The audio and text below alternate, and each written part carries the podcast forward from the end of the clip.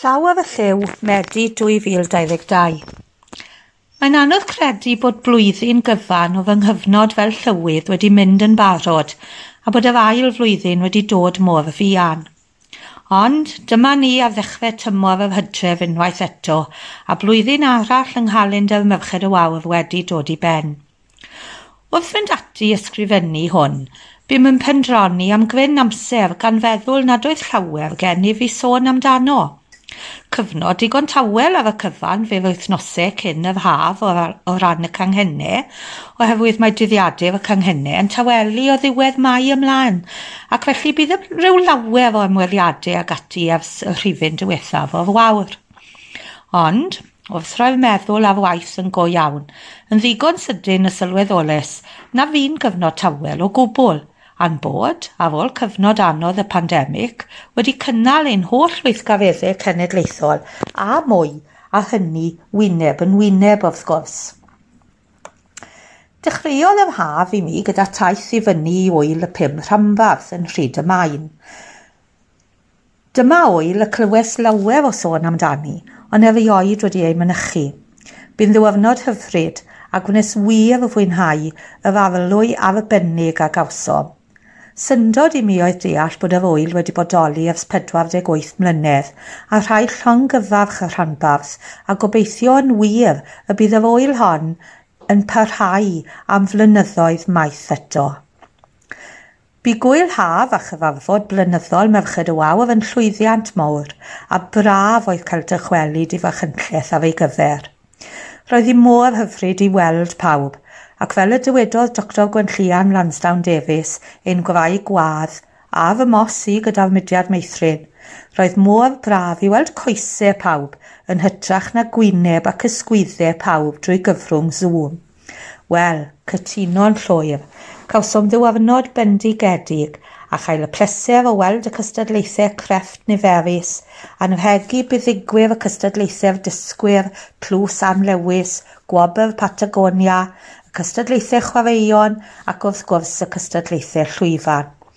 Llongyfarchiadau bawb a fi'n cystadlu ac a fi'n llwyddiannus. Ddechrau Mehefin, bu mae'r daith gerdded gyntaf prosiect y Llywydd, a hynny gyda rhanbarth Merionydd ym Mhennal. Wel, am ddechreuad da yw'r prosiect. Diolch i bawb am y croeso ac i'r aelodau a wnaeth ymuno â ni. Cawsom ein tywys ar daith hyfryd o amgylch pennal gan Elined besent. Meddyliais i a fi oed bod cymaint o hanes yn perthyn i bennal a deithim adre a noson honno wedi fy rhyddfeddu gan gyfoeth hanesyddol y pentref a'r ardal. Yna, yn agosaf i adref, cefais ymuno ag aelodau ceredigion ar gyfer eu taith hwy. Y tro yma cyfarfym yn Eiron a cherdded draw i Laner Cheiron taith hyfryd arall yn llawn o hanes a gwybodaeth am fyd natur a'r ardal a phaned a chacennau hyfryd i orffen. O fus Medi ymlaen, edrychaf ymlaen i gael ymuno â sawl rhambarth arall ar gyfer mwy o gerdded a chymdeithasu.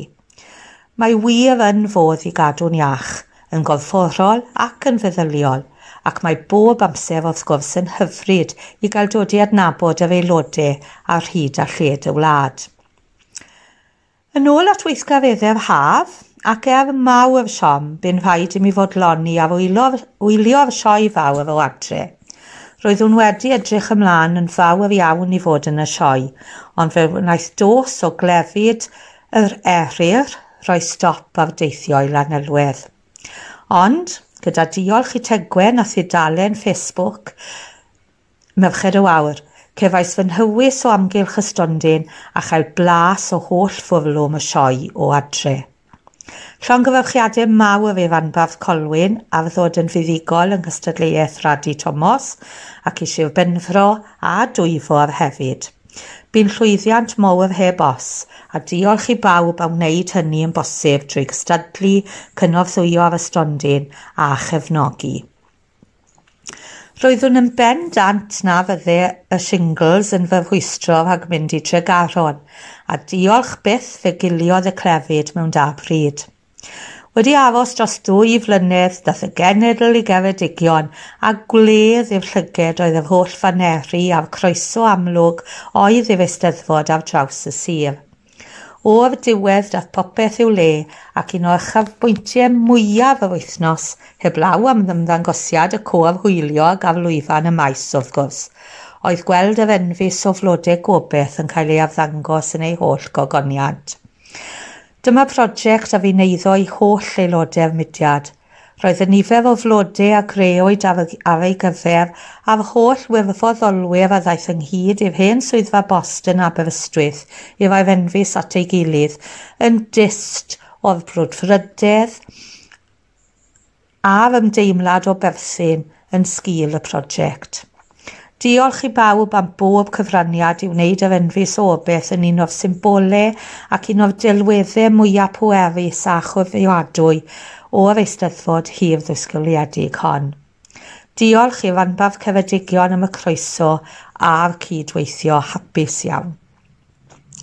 Ymlaen yn awr felly o'r penwythnos preswyl yng Nghaerfyrddin a thymor arall prysur o gerdded, cyfarfodydd ac ymweliadau a dyletswyddau llywyddol.